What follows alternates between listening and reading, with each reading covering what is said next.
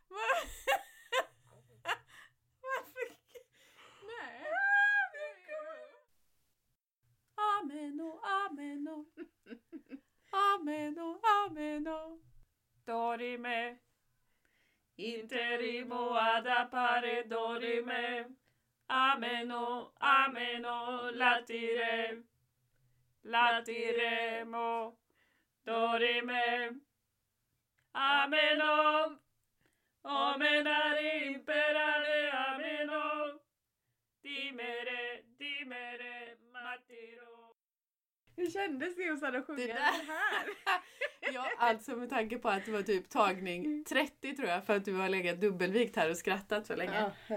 Så tycker jag att jag börjar eh, kunna lyssna på den här sången nu.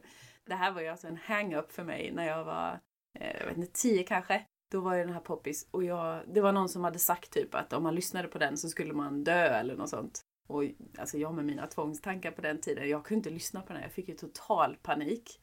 Och det har jag nästan haft upp i vuxen ålder. Så här, nej, nu kommer den låten, jag måste stänga av. Första gången nu när vi satt på den så var det lite obehagligt. Men som sagt, nu har vi ju gjort typ 30 tagningar här. Du, jag ska bara säga anledningen till att vi valde den här låten just nu. Det är munkar som sjunger. Ja. Martin som vi eh, ska intervjua nu, det är del två av hans intervju. Han har ju faktiskt varit munk på bland annat Sri Lanka och så. Men det var därför det blev den här låten ju. Mm. Herregud, jag har Alltså jag har torkat så många glä- eller glädjetårar, vad heter det? Du har skrattat så du har gråtit Ja. själva. Alltså så här mycket som jag har skrattat nu innan vi spelar in det här. Det har inte jag gjort på flera år tror jag. Det är Så ganska härligt. befriande ibland att skratta så. Ja, det är därför jag låter lite täppt i näsan. Det var för att jag, åh herregud. Ja, det var väldigt roligt i alla fall. Ja. Men nu kommer ju andra delen av Martins intervju i alla fall. Håll till godo.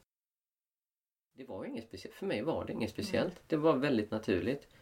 När jag har huvudvärk, ja men då tar ni en huvudvärkstablett. Alltså för mig var det, jag förstår inte detta. Ja men det är klart du säljer men alltid åker iväg och blir munk ett par år. Mm. Det är ju inte konstigare än så. För i mitt huvud var det verkligen inte konstigare än så. Och jag hade ju flickvän när jag åkte iväg också så det var liksom taskigt läge för henne. Det var inte sådär jättesnällt. Just det, Eh, det hade du ja. Men det tänkte jag, nej men förstår du inte liksom, jag ska ju iväg. Mm. Ehm, så ja, jag, jag, jag tyckte det här var lite konstigt att det, liksom, det fanns ju inte mer där. Jag hade, jag hade trott att det skulle vara något mer. Och det var väl för, hade jag kommit bara av den anledningen du sa så hade jag kanske också landat i det liksom. Att eh, ja men det är okej, det räcker att vara här. Jag träffade många, alltså de flesta som kom från västvärlden till Asien, och de kom ju på grund av en sån anledning att de är utbrända eller Mm. de har svårt att handskas med världen så som den är. Ehm, det var en man som sa till mig att ja, alltså är man munk då har man ju uppenbarligen problem med armarna så blir man inte munk, sa han. Mm. Ja, det kan jag inte säga emot egentligen. För det är ju sällan någon från västvärlden kommer och blir munk utan att de har eller någon, någonting bakom sig som gör att de Mm. tycker det är jobbigt. Så jag började mitt letande som innan. Ja, det var inte tjejen, det var inte bilen, det var inte den här leksaken, det var inte jobbet, det var inte lönen. Det var inte jobba som fotograf, det var inte den tjejen jag träffade i slutet och det var tydligen inte de här munkarna heller. Liksom, för att jag gick ju runt där och bara väntade, okej. när ska vi ha det där mötet när vi alla sitter och berättar hemligheter som vi inte berättar för de andra människorna men som vi munkar, vi kan ju den här kunskapen, den här hemligheten liksom. Eh, så ska vi inte ha det mötet snart för att liksom, nu har jag varit där i tre, fyra månader och det har inte hänt något. Men nej, det fanns inga sådana möten. Alltså munkarna var väldigt lika oss tyckte jag på något sätt. De de var lugnare men samtidigt så hade de, ja, men då skulle de ha större tempel och större bilar och åka okej. runt eller fler folk som såg efter dem och bättre meditationsupplevelser eller vad nu var. Det är så, ja, de, de jobbade kanske för ett higher good och att de försökte få världen till en bättre plats och det gör de uppenbarligen, alltså eh, absolut utan tvekan. Och de, de kanske var lugnare än många människor för man lever, bara av att leva en sån miljö så mår man bra. Nu så kan jag bara tänka på att åka iväg till en en sån plats. Mm. Det hade varit perfekt just nu. Men du sa Eh. det här att de ja, bygger större tempel och vill ha andra bilar och sånt. Men är det inte så Kanske att man... inte bilar men, men jo vissa faktiskt. Men var det inte så att man som munk inte får äga någonting? Ja, ja, men det betyder att du inte kan ha en större bil. Det kan ju vara så att någon kör dig en större bil. Den är inte din. Jag äger ingenting. Ah. Och det kan det vara väl vissa Så det munkar finns lite kryphål i alla fall. För jag trodde det var väldigt så plain liksom. Ja, Inga det är det. Och det är, det är väldigt stor skillnad. Det som är intressant med buddhismen är att det finns så jättemånga olika delar av buddhismen. Alltså det skiljer sig precis som olika religioner. Mm. Buddhismen, eh, eftersom den inte har någon gudsymbol så liksom, eller någon sådär deity riktigt så, så tog den ju, kom den till Kina till exempel så tog det in alla de sakerna som fanns i Kina. Mm. Och liksom, jag tror det är kineserna är japanerna som har liksom andar som lever, eller spirits som lever i floder och sånt. Det finns ju Mm. ingenting i originalbuddhismen. Men man liksom Okej. smälter ju in det i de här då liksom, så att det blev eh, heter den, eh, Mahayana-buddhismen som kom i, i eh, Tibet och den är ju också jättespeciell, helt annorlunda än, Mhm. än ursprungsbuddhismen. Där har de ju liksom vävt in sina egna trosystem som de har där också då liksom. Så alla buddhistiska Grenar. grenar Mm. är väldigt olika. De kommer okej. från två olika. Mm. Eh, Men, men i slutändan så är de väldigt olika. Mm. Men du, jag måste bara säga. Eh, för man kan ju tycka att just en västerlänning som åker, åker dit och blir munk, det är väldigt speciellt. Men visst har du berättat för mig att det är väldigt vanligt att typ tonåringspojkar på Sri Lanka och sånt blev munkar. Var det inte något sånt? Mm. Att det var liksom typ som en konfirmation eller Ja. vad man ska säga. Helt rätt. Mm. Det, Sri Lanka är inte lika stort som i till exempel Thailand. Så vi kan ta Thailand som ett exempel. Men i Sri Lanka ändå också. Man blir eh, samenära heter det. Det är alltså typ en novismunk. Mm. Eh, fortfarande munk följer samma, jag tror det är lite färre regler men i princip samma sak liksom. Och det, alltså, det man gör är att man, framförallt i Thailand så är det så att då blir du alla här ska ju mönstra är det tänkt liksom. Man ska gått igenom lumpen. Nu är det ju inte som så. Jag har inte själv inte gjort lumpen. Men du ska ju gå igenom lumpen. Samma sätt så ska alla pojkar i Thailand ha varit munk. Mm. Och då blir de munkar. De åker dit så rakar de av sig håret och föräldrarna gråter jätteglada och man får presenter och gåvor. Ungefär som konfirmation. Eh, eller lumpen då. Fast jag tror inte man får presenter när man gör lumpen. Men eh, vi säger det. Eh, och det är lite olika. Alla kanske inte får presenter men de får mat eller munkarna får presenter. Eller så. Och så lever man med munkarna i en vecka. Och det gör jag var på center. Ja, det är en kom vecka liksom- bara. Ja, Ah, eller okej. två, kanske Ja, till och med tre. Jag var på ett center där det kom liksom hundratals ungdomar samtidigt och liksom var munkar och liksom, och det var ett Mm. jättera ståhej när de. Så det var ju som sommarkollo lite grann, eller som kon- konfirmation liksom. Mhm. Så då fick de vara munkar och det kunde de göra max sju gånger per sitt liv tror jag när man är i Thailand. Eh, inte helt ovanligt att brottslingar för att undanfly lagen blir munkar. Nej. Va? Då är de ju lite untouchables. Så eh, det var ju lite sådär som ja, det hade hänt där också. Då, liksom att man kunde ju bli munk. Då är du i princip fri. För ju Så det är väldigt många Oj. munkar som är brottslingar Nej, egentligen, alltså. det, nu ska ni inte ta det och vrida det. Men det är inte, helt Ja, det. Nej. Eh, det är inte helt ovanligt att folk som är brottslingar gör en sån grej för att Mm. då tänker jag, men kan, och det är ju, finns ju en bra sak i det också. Alltså de, de kan ju inte göra så mycket när de är munkar. Så händer ju inte så mycket där och då får de ju leva i en miljö som, varför är den bättre, sämre än att vara i fängelse till exempel. De får liksom leva i en sån miljö där man liksom verkligen går fram emot att vi ska hjälpa andra människor, ska Mm. liksom leva på ett bra sätt. Så att, men eh, poängen är att jag, jag säger inte att det är liksom rättvist att de ska leva som munkar istället för att bo i fängelse, för det tycker jag inte. Men det finns ändå en poäng med det liksom. Mm. Eh, och det är inte sådär att det är liksom av varannan munk ni träffar på är brottsling. Nej. Det är bara att det händer. Mm. Eh, det gör det absolut liksom. Men hur lär man sig att bli munk då? Alltså jag menar, för när du kom dit så hade du läst på extra mycket om buddhismen liksom? Eller bara... Ingen aning. Jag visste knappt vad buddhismen var. Jag bara stack iväg liksom. Bara, Nu åker iväg och blir munk liksom. Coolt. Lattjo. Så man lär sig bara egentligen genom att sitta jämte och höra andra munkar och så? Eller läser Traditionellt sett på Sri Lanka så blir man munk när man är typ 7 till 12 tror jag det är ungefär.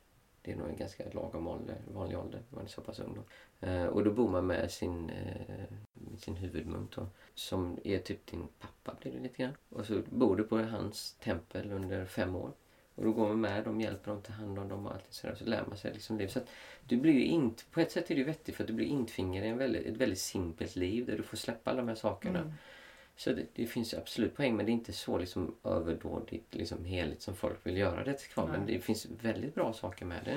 Och jag tror det finns bra poäng med att liksom göra det i ett år så hade nog alla mått bra av att göra faktiskt. Men de alltså barnen som kommer hit och är där då i fem år, då går inte de i skolan då utan då går de i de, munkskola? de går i liksom.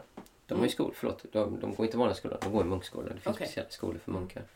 Eh, De läser samma ämnen som oss men de läser också pali och så lär de sig buddhism. Alltså ungefär Ja, som ja. tänk dig en starkt kristen skola. Mm. finns väl Så säkert. det är som ett internat typ i fem år liksom? Ja, du bor på templet så du bor inte på skolan. Nej, Eh, och de- De uppfostrar ju de här barnen egentligen. Mm. Okej. Munkar får inte ha barn för de får inte ha förhållanden så att det är Nej. lite grann en ersättning där också. Var det också ganska så här kryphål i det med?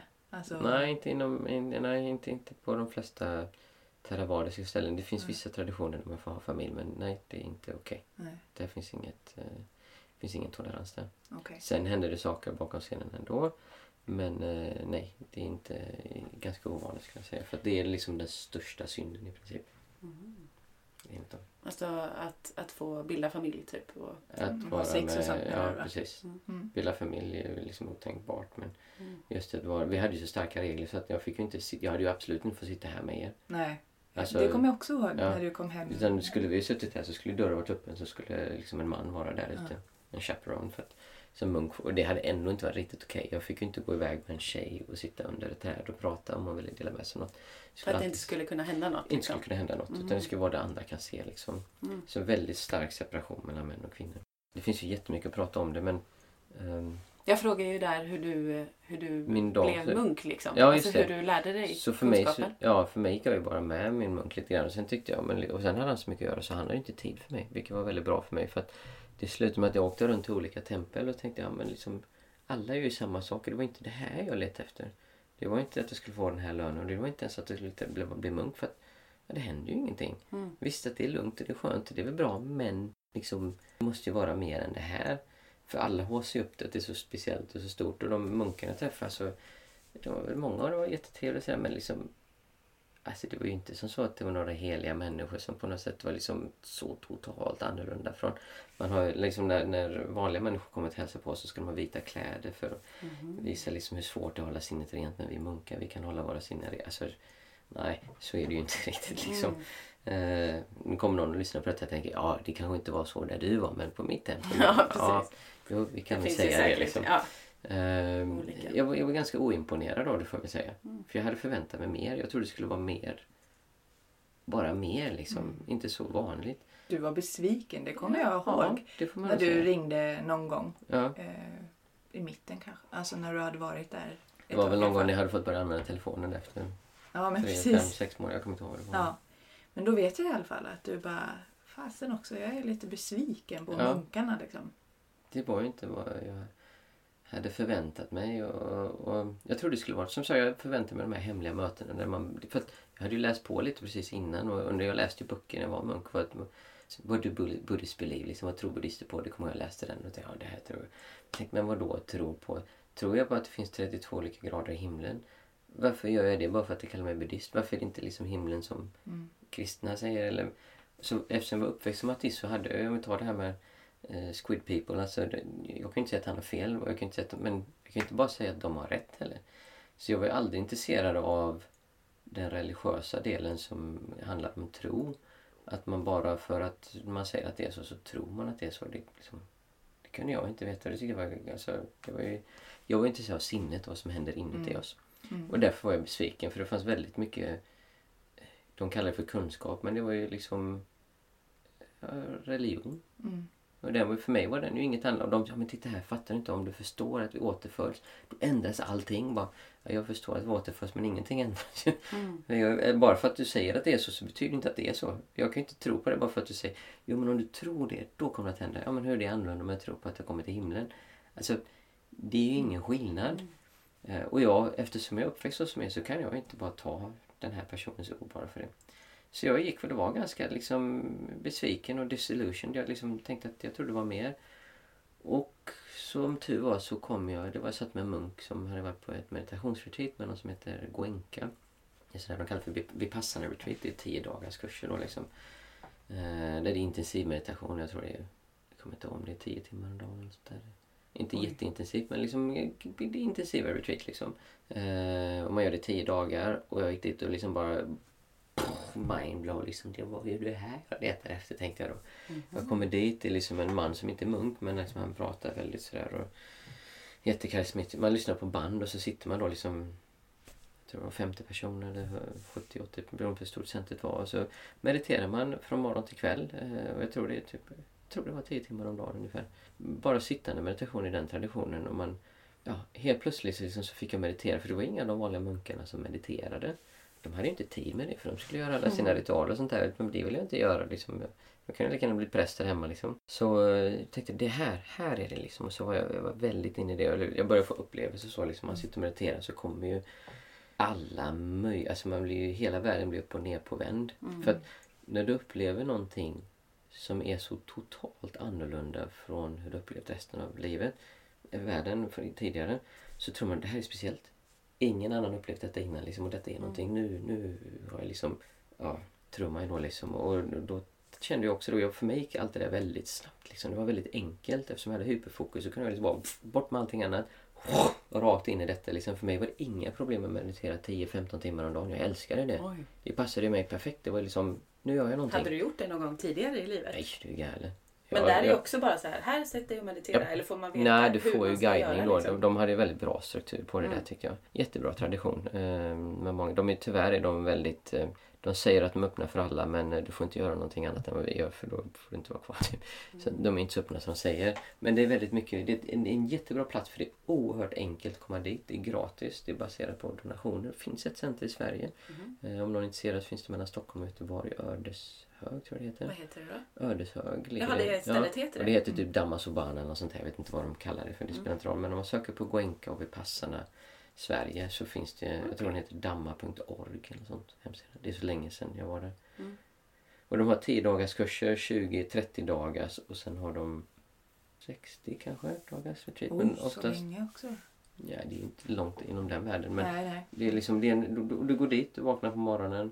Om jag tar en sån dag där, då går man dit, vaknar på morgonen att de slår igång. Jag tror man började fem eller sånt på morgonen och meditera. Liksom. Ja, och då sitter man i tysthet i två, en och en halv timme, sen börjar han att sjunga. Liksom samma som vi sjunger men han är ju speciell för han har ju kraften och han en speciell sång. Han är väldigt sån här... Alltså det är verkligen bara typ... What? Ja, men förstår ni inte hur heligt det här är? Han har ju, liksom, han har ju gåvan och, och goenka, goenka liksom så här. Ja, så han var ju väldigt eh, speciell då liksom. Och så sitter man där i två timmar i den första meditationen, sen slår de en gång och så går man och äter någonstans. Du får inte laga egen mat, får inte knappt dyka undan liksom. Ja, vi fick nog skölja tallrikarna typ, mer så får inte jag. Så går man och vill en halvtimme och sen så sitter man en timme gång, paus och så fem minuter så sitter man en timme och så håller man på så hela dagen fram till sju, åtta liksom där. Mm. Och sen så vilar man lite grann så och så börjar man om och liksom det är livet hela tiden. Och det är en jädra skillnad. Jag kallar det innan meditera. Jag har suttit fem minuter liksom bara... Alltså... Mm. Det är inte riktigt samma Det är inte riktigt samma sak. sak. Många kallar sig själva för meditatörer och de säger jag sitter två minuter varje morgon. Liksom. Mm. Det är bra. Mm. Det är bättre än ingenting. Mm. Men det finns ju lite mer till än mm. bara så. Uh, jag tror ofta, där, där, för mig känner jag mycket när folk säger att de mediterar så handlar det mycket om image. Jag är, jag är meditatör. Och gör, du, gör du det varje dag? Hur ofta gör du? Hur länge gör du? Liksom? Uh, och det är inte det att du behöver sitta tio timmar varje dag. Men jag skulle säga att för att verkligen få liksom effekt av meditationen så är det åtminstone en halvtimme till en timme. Mm. Det är en väldigt, även nu, ett tag så man ska sitta så länge som möjligt men längst jag suttit är nog två och en halv timme utan att röra mig men längre än så liksom det är för mycket smärta och sen finns liksom ingen funktion med det riktigt Nej. heller utan man går nästan igenom en slags cykel man sätter sig ner upplever jag för mig själv och den hamnar mellan 25-30 minuter i kortaste laget typ en timme, en och en halv timme max liksom för mm. mig idag. Och så har det alltid varit sen jag verkligen började liksom följa vad jag känner istället för vad man skulle sitta. Mm. För jag tänker så här, tänk om man måste gå på toa liksom. och så sitter mm. man där i flera timmar. Får man göra det? Då sitter, eller? ja, det är klart du alltså. får. Men då sitter du och upplever hur det känns att vilja gå på toaletten. Och så lär du dig att vara ja. okej okay med det. Så det är det att man lär sig att vara okej med smärta och, och liksom saker som är jobbiga. Jag vet. Det är min utmaning när, Mm. jag, Därför- så när vi har gjort så mindfulness-meditationer och sånt. Det här motstå liksom, Ja. obehaget. Om det kliar någonstans så vill jag gärna klia. Även Mm. om jag sitter och du liksom sitter du mediterar. och så upplever du klientet så märker du att det kommer och det växer, det kliar mer, det kliar mer och sen helt plötsligt når det en peak och sen går det ner och sen Mm. försvinner det. Mm. Och det är det som är en av de nobla sanningarna då, att allting är impermanent. Mm. Allt är föränderligt. Allt är föränderligt. Mm. Ja, precis. Så mycket av det är att det är svårt om man inte är munk och liksom bara hitta en sån här plats att, att gå till. Liksom. Men det fina med dem är att du får lämna ifrån dig mobilen allting och så är du där i Mm. tio dagar. Jag tror det är tolv dagar, en dag innan och efter. Mm. Tio dagars meditation. Eh, det är liksom som ett, det jag kallar för McDonalds meditation nästan. Liksom. Det är, de, de har liksom strukturerat allting. Det finns manualer för allting. Lärarna behöver inte ens vara särskilt bra, vilket de många gånger inte är. Ett, bra. De har inte så mycket egen insikt kanske i vad det är Mm. de gör men däremot har de väldigt strikta regler för hur de ska bemöta alla frågor. Mm. Vilket gör att det funkar. McDonalds kommer du dit, du kan ta vilken Mm. galning som helst eller på säga och så sätta dem i kassan. Hej, jag heter här. Eller Mm. de säger inte ens namn. Liksom, vill, du ha, vill ha plusmeny med det eller vad ska du ha för Mm. någonting? Vi har också kyckling. Mm. Alltså det är väldigt enkelt och de har lyckats göra det med meditation. Och det kanske låter dåligt men det är om man inte har mediterat innan så är det liksom det är gudasänt. Jättebra. Väldigt överkomligt prismässigt eftersom man ger donation. Jag tror jag kan tänka mig att folk ger mellan 2 och 3 tusen liksom för, Oj. för att vara där i två, tre veckor. Mm. Eller två veckor blir det. till 12 dagar, ja, nästan två veckor. Så det är, inte, det är inga enorma pengar, eller kanske folk ger 4-5 tusen, men det är ändå väldigt lite med mat. Liksom. Mm. Ehm, och man ger ju efter vad man har då såklart. Liksom, så många är nog väldigt mycket med dem som pengar. Det var min första erfarenhet och jag bara wow, det här var ju fantastiskt. Det är här jag letat efter liksom. Och, gick jag där ett par gånger. Jag tror totalt gick jag nog typ 25 sådana här retreaten och 20 Oj! dagar. Ja, men det är liksom, herregud, jag var ju munk i sex år. Jo, men det låter ju jättemycket. 25. Ja, det Men var det- typ ja. 250 dagar liksom. Det, ja. Mm. Så jag, jag var ju liksom där på retreat och, och, och det är lite grann sådär nu bara, tänker man haft tid och orkar kunna gå och göra det liksom. Mm. Det går ju inte när man har familj och jobb och barn på samma sätt, bara sticka iväg i två veckor. Men eh, jag kan varmt rekommendera det om någon vill liksom prova lite mer intensiv meditation. Men du kan längta efter det fortfarande ibland alltså? Ja, nu Mm. gör jag faktiskt det igen. Att det hade varit skönt att liksom, men på grund av en annan anledning än vad jag gjorde då. Då var jag liksom inne på att jag var på min, min, min path liksom. Jag Mm. försökte komma någon vart. Hyperfokus. Så jag var där och sen började jag leta efter andra och upptäckte att det fanns ju väldigt mycket liksom runt omkring i världen. Men det var inte alls så utbrett som alltså munkar i sig själva. Många av dem mediterar ju inte. Sen finns det olika traditioner där man mediterar mer. Så att burmesiska munkar inom Theravada-traditionen de har en väldigt strikt kultur med meditation. Då, där man oftast går upp. Jag, kan, jag åkte till Malaysia var det, på ett center där. där det, var, det var liksom ett av de striktaste. Då, liksom, och det var en, en jätte, den enda munken som jag riktigt liksom har sett upp till. Så, liksom, för han faktiskt levde så som han lärde ut på, ett- på ett väldigt bra sätt. Tyckte jag. Han var väldigt han var liksom stencool. Han var så lugn och han hade väldigt mycket, gammal man, typ 80 år eller någonting. Jättemycket bekymmer med myndigheterna runt omkring för det här templet. Och liksom, eh, men han var så lugn. Liksom. Man, bara, man kände när man var med honom att någonstans bara, oh, gud vad skön den här Mm. gubben är. Liksom. Eh, och han liksom hela tiden, var man än kommer så var han liksom ett leende och liksom, han skrattade alltid. Liksom. Och det kändes liksom genuint på ett sätt. Vissa liksom kan vara leende och skratta men det känns som att de, ungefär som vi pratar om att vi har lärt oss hur man är sociala, Mm. så har de lärt sig hur man är munkar. Mm. För att så här beter man sig så liksom. Men han, han kändes genuin. Om jag tar det i jämförelse då, liksom, det var ju det striktaste centret. Då, då, då ringde de klockan klockan eh, 3.30 på morgonen. Så dong, ringde de. Och så hade man en halvtimme på sig eh, att göra sig i ordning. Eller om det var en kvart, nej, en halvtimme måste det varit. Så fyra eller kvart i fyra då började man meditera. Eh, och då satt man i två timmar. Och sen så gick man en timme och sen så var det frukost. Eh, runt sextiden någon gång så åt man. Så tror det var en och en halv timme på sig att äta och duscha om man behövde göra det. Liksom. Och sen gång så ringde de en klocka och så satt man en timme. Så gång så gick man en timme. Så gång så satt man en timme. Och så gång, jag kommer inte ihåg om det var tre eller fyra pass. Eh, men det var i alla fall sitta, gå, sitta, gå jämfört med goenka som bara sitta. Eh, Gå, alltså inte promenad utan gå meditation. Ja, det var, det var min nästa fråga. Ja, för mig- Vad innebär gå? Ja, alltså jag, jag är så van vid att säga ja, jag, jag går och sätter mig, säger jag hela tiden. Bara, då ska du gå och sätta dig? Alltså för mig är det gå och sätta sig och meditera. Mm. För man säger sitting meditation och walking meditation. Det är Mm. liksom de två formerna rent fysiskt det tar. Så igång igen och det var klockan 11. Eh, och då åt vi munkar. Och på det här templet, eh, centret. chokladmunkar. Ja, precis. Vissa munkar. äter väldigt mycket choklad. Eh, på det här centret så var det ett, det var ett stort center, väldigt ganska rikt center också. Då kom liksom ja, 100 personer kom och så hade de med sig mat. Och det satt vi liksom på en upphöjd dais, liksom en upphöjd byggnad, så, eller dais, en scen. Mm. Och så satt liksom 100 personer och tittade på när vi satt och käkade. Hur många munkar var ni där? då? Där kan det vara då? typ 20-30 Ja. ungefär. Kanske något sånt. Och, och sen så hade man en, en timme, en och en halv timme lunch. Så gång så igen och så gick man gång, satt, gång, gick, gång, satt, gång, gick, gång. Så klockan fem eller sex. Och det var ingen kvällsmat, man åt bara frukost och lunch. Eh, och efter den gången då var det te. Så drack man te. Och sen så gångade de igen och så satt man, gick, satt och så var klockan typ 9.30, 10 och sånt där tror jag.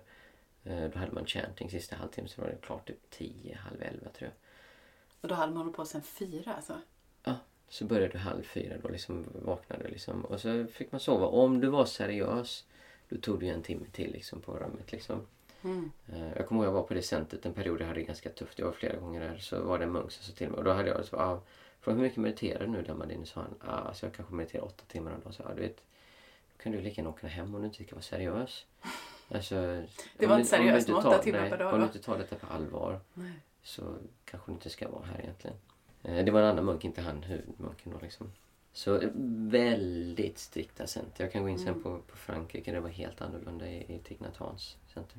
Men där fick jag min första riktigt stora liksom sån här breakthrough kanske man ska säga. Sen var det inte alls så stort som jag trodde det var men jag upplevde det stort. Ehm, man går igenom cykler och jag hade börjat sitta eh, och satt väldigt mycket. Jag hade nog mediterat i typ fem månader i sträck mer eller mindre. Fyra, fem månader. Alltså, för du pratar om att ja, 10 dagar var på 25 så, Alltså det är inte så mycket på Nej. 25 10 dagar. Det är bara 250 Allt är dagar. relativt. Ja. Utan ofta så var jag, jag under de sex år jag var munk så var jag aldrig på en plats mer än tre månader. Så ofta så mediterade jag tre månader på en plats och så åkte jag till nästa. Vilket gjorde att jag kunde undvika all politik och all, all, alltså bli fast i ett center. Så fort du gör det då kan du liksom, får du meditera mindre och, och Just det. Practice. Men du ville ändå fortsätta meditera? så det var det som var, det var ju därför jag var munk. Mm. Men är inte... man fri att åka och göra vad man vill när man är... Alltså åka med, mellan vilka center man vill och så när man är munk? Mm, Ja, Bestämmer man det själv? Att, Ja, är det egentligen, din, egentligen gör din huvudmunk det men jag hade fördelen att min huvudmunk var så upptagen så han hade inte tid med mig. Mm. Och det var nog lite statussymbol jag också att ha en västerländsk munk under sig. Mm. Så, så länge jag skötte mig och gjorde det jag skulle så var det okej. Så jag fick ju välja egna center. Jag berättade alltid från var jag var någonstans. Och så, Mm. liksom, de visste, så det var inte det att jag bara liksom försvann och Mm. kom tillbaka efter ett halvår. Men med regelbunden kontakt så kunde jag liksom... Och han tyckte det var jättebra. Så en munk som faktiskt ville meditera, det var ju.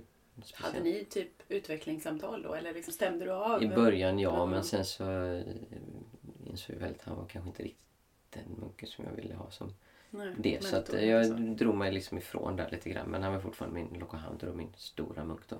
Mm. Loko är stor, Handro munk, så min, min stora munk sa man. Mm. Jag var Poddihandro, den lilla munken. Mhm. Eh, så jag var på de här centren, Detta center var jättestrikt. Och efter att jag hade varit först på Sri Lanka i tre månader på ett ställe så åkte jag till Malaysia och var på detta centret. Och jag glömmer aldrig detta för detta var då som jag verkligen kom in på mitt sätt att se på allt det här vi pratar om. Och min, mitt sätt att beskriva det som jag tycker. Jag, jag tror mycket på att vi, vi använder religioner och liksom termologin som alltid ni pratar om också för att beskriva något underliggande. Och jag har alltid velat skala bort dem där liksom, och liksom prata om de grejerna utan så mycket värdeläggande ord. Som vi ser att vi blir smittade. Så du, då har du liksom lagt ett värde i det. Jag har ju tagit åt mig någonting som inte är mitt och det är Mm. något dåligt jag har tagit åt mig. I form av känslor? Eller. En form av Mm. känsla. Och jag säger inte att det är ett dåligt sätt att använda det. bara så att om du använder det ordet så har du faktiskt lagt en värdegrund i det och alla känner att blir smittad av andra. Ja, då är det jag mot dem. Helt automatiskt genom att använda smitta så skapar du ett avstånd till andra människor. Mm. Istället för att säga att eh, jag, när jag kommer in i ett rum så kan jag känna av andra människor och deras, det som händer i dem kan jag känna i mig själv. Mm. Alltså då har du sagt samma sak men Absolut. du har inte lagt värderingen av att du tar åt en sjukdom nästan. Mm. Det är spännande det där när man börjar liksom ladda ur ord eller när man funderar på vilka värderande ord man kan använda. Just när man har ett ord som kanske egentligen kan vara negativt laddat fast man kanske inte ens har tänkt på det. Mm. Eh, och och det är så lätt att man går med dem. För att det, Sen är det en jag har pratat med hundratals människor som är sökande liksom och Mm. söker någonting och alla går igenom den fasen du beskriver nu. Oj, jag använder detta ordet. Det betyder ju någonting faktiskt. Mm. Och så blir man i en period, väldigt vanligt, alltså kan vara ett par månader, veckor eller år. Mm. Där man vågar knappt säga någonting för man bara, oj nu sa jag det och, just det. och nu sa de det. Mm. Aha, och så lägger man in Eller hur? jättemycket. Så att det är en väldigt naturlig fas av Mm. den här spirituella utvecklingen. Att man upptäcker att ord har. Mm. Så det jag försöker göra då att jag försöker ta bort det, inte för att det är så farligt utan bara för att jag tror att allt det går att beskrivas utan att vi lägger en tolkning eller värdering i det. Mm. Så jag brukar berätta den här historien för att det som hände när jag kom dit, jag hade mediterat jättelänge och, och tänker då jag har suttit i fem månader i snitt kanske jag hade, säg att jag hade åtta eller tio timmar om dagen i fem månader. Det blir ganska många timmar under fem månader. Och vi hade ju liksom inte som så att man har helglov och nu slipper du, eller nu mediterar du inte på helg utan det finns ju inte måndag, tisdag, det finns ju inte utan samma sak varje ihop, dag. liksom. Mm. Vissa center hade en dag då man eh, inte mediterade så mycket utan man hade lite lugnare. De här burmesiska center hade inte det men vissa center hade det att var 14 dag så hade man till exempel en paus då. Vilket kan vara ganska sunt tror jag. Så förresten mediterar man för mycket kan det vara väldigt bra att ta en dag av märkte jag för att man kan bli för alltså fast och trycka för mycket. Mm. Så jag hade meddelat jättemycket under fem dagar. Eh, fem, fem månader. Eh, kom till detta centret och det var den superstrikta. Så det var, det var 15 timmars meditation per dag. Seriöst så ska du ha en timme till. Eh, och helt plötsligt så sitter jag där och liksom bara liksom så känner jag att jag börjar bli stum. Alltså jag kunde inte riktigt känna någonting. Det var inte tomhet som att det inte var, det var bara öppenhet. Öppenhet är nog bättre än tomhet. För tomhet har lite känsla av stumhet i sig. Om vi ska gå in på tolkning. Så jag kände mig stum. Jag gick runt och bara liksom, jag kan inte känna vad fasen har hänt? Och jag bara liksom, jag tittade på någonting, jag såg liksom en, en snygg tjej, jag kände ju ingenting. Jag såg liksom en blomma, den var inte vacker. Jag liksom skulle gå och det, meditera. Ja, detta var liksom en, Mm, en, du för mig en väldigt stor del av det som hände mig när jag var munk. Jag, liksom, jag, jag kunde inte känna saker inför det. Jag, det, var, det, det var liksom mer som att, tänk, snarare än att liksom mjukhet så var det liksom och så bara liksom allting hölls hårt. Ingenting hände. Och första dagen jag liksom bara, men vad, alltså jag har ju fördärvat mitt sinne. Jag har ju liksom gjort något. Jag har liksom Shit, jag, jag messade upp mig själv liksom. Och det är väldigt, väldigt vanligt när man börjar meditera. Man tror jag har gjort, tänk om jag gör fel. Och jag liksom släpper in någon dålig energi eller man hittar på alla möjliga historier. Jag har fördärvat mig själv. Och det började jag ju tänka liksom, oh shit, liksom, nu har någonting gått fel. Och jag skulle gå och lägga mig. Jag kunde inte gå och lägga mig. Jag var så varm. Hela kroppen var som att liksom riktigt vibrerade liksom. Och jag var alldeles stum, kunde inte känna någonting och liksom försökte sova. Jag sov kanske en eller två timmar den natten, vaknade dagen efter. Eller vad jag kommer knappt ihåg. Jag vet, jag var så varm, svettades och jag bara gick omkring. Vad fan har jag gjort? Alltså vad har jag gjort med mig själv? Jag har ju fördärvat mig. Jag tänkte jag, kan, jag kommer aldrig kunna älska någon igen. Jag, jag hade ju åkt iväg för jag skulle bli stora Martin som skulle rädda världen och skriva böcker och hjälpa hela världen. Jag kan inte göra någonting. Jag kommer, liksom, jag kommer inte kunna vara människa igen. Jag kan ju aldrig bo med någon. Och innerst inne hade jag nog en tro att "Ja, jag kommer liksom göra det här så att jag kommer bli en bra person och då kommer jag träffa den perfekta partnern såklart. Och så liksom kommer hitta jobbet och ja, vad nu. Men det kan jag inte göra. För jag är ju fördärvad. Jag funkar ju inte längre.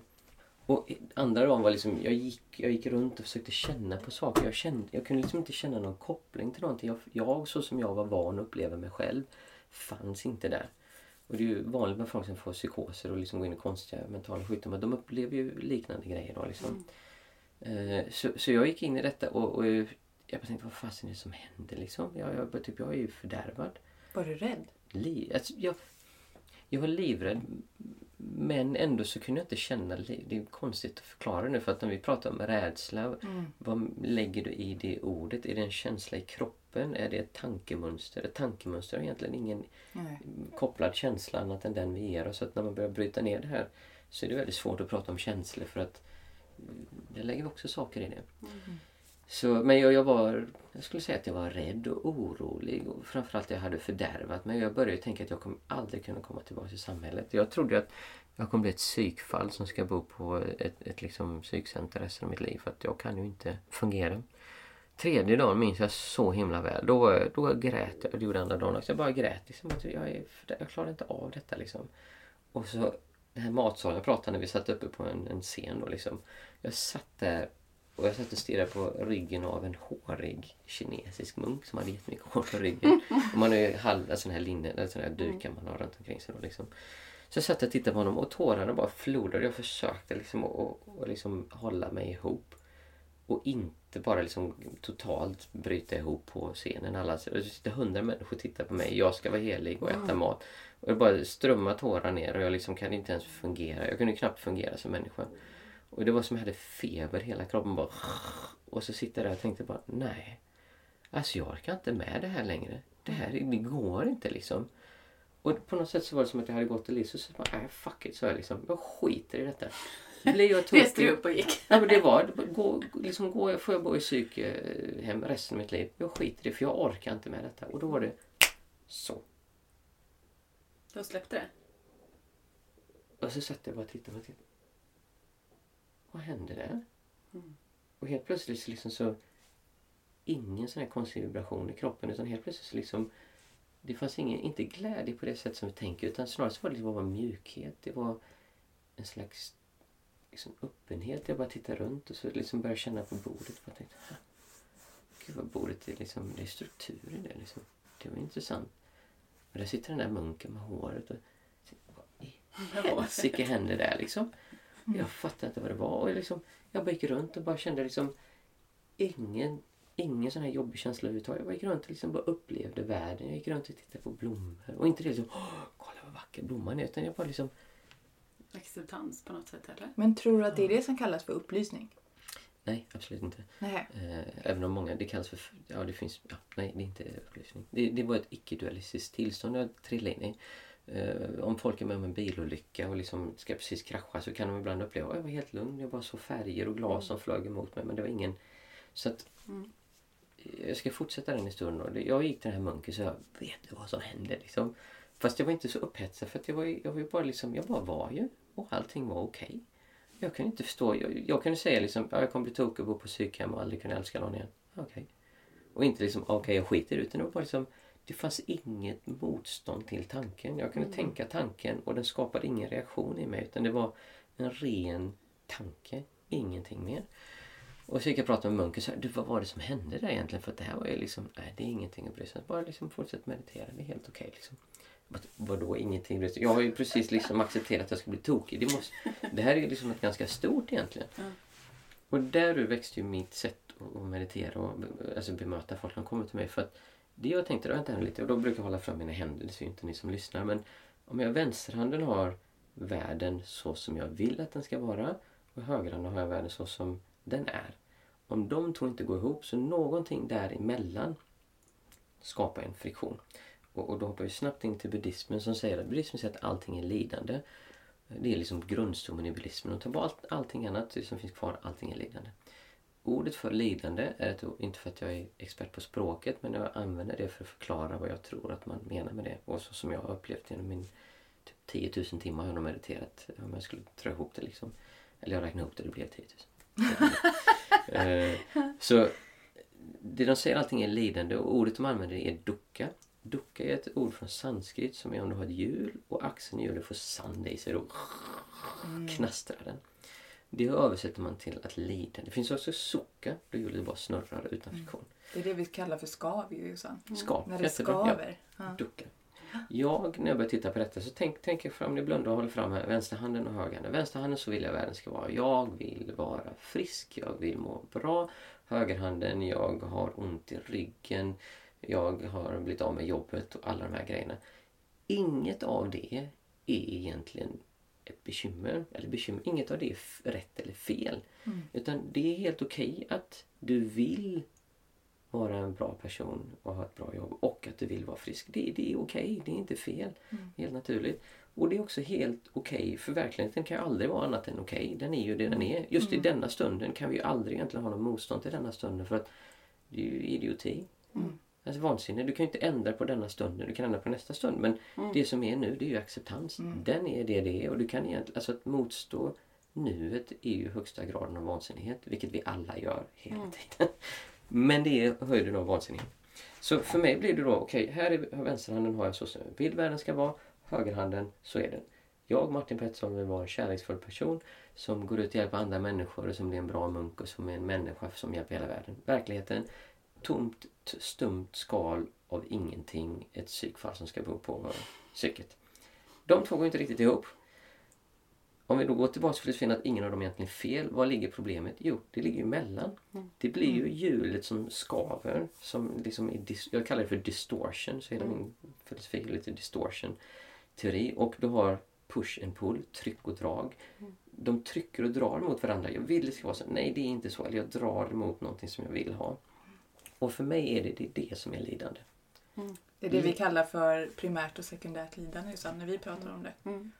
Att eh, det primära det är ju saker som man inte kan ändra på. Och det sekundära lidandet är den värderingen vi lägger i det. Mm. Eller det liksom motståndet vi gör mot det. Det är Mm. det som skapar lidandet. Hur man kan förstärka det Mm. lidandet som är genom hur man tänker värderande kring det. Eller så. Exakt. Eller den Istället för att bara precis. acceptera att det Mm. är som det är och det är okej. Ja. Och jag vill ju gå ett steg längre och säga att det handlar inte om värderingen utan det handlar om känslan. Ja, ja men som exakt. kommer från värderingen.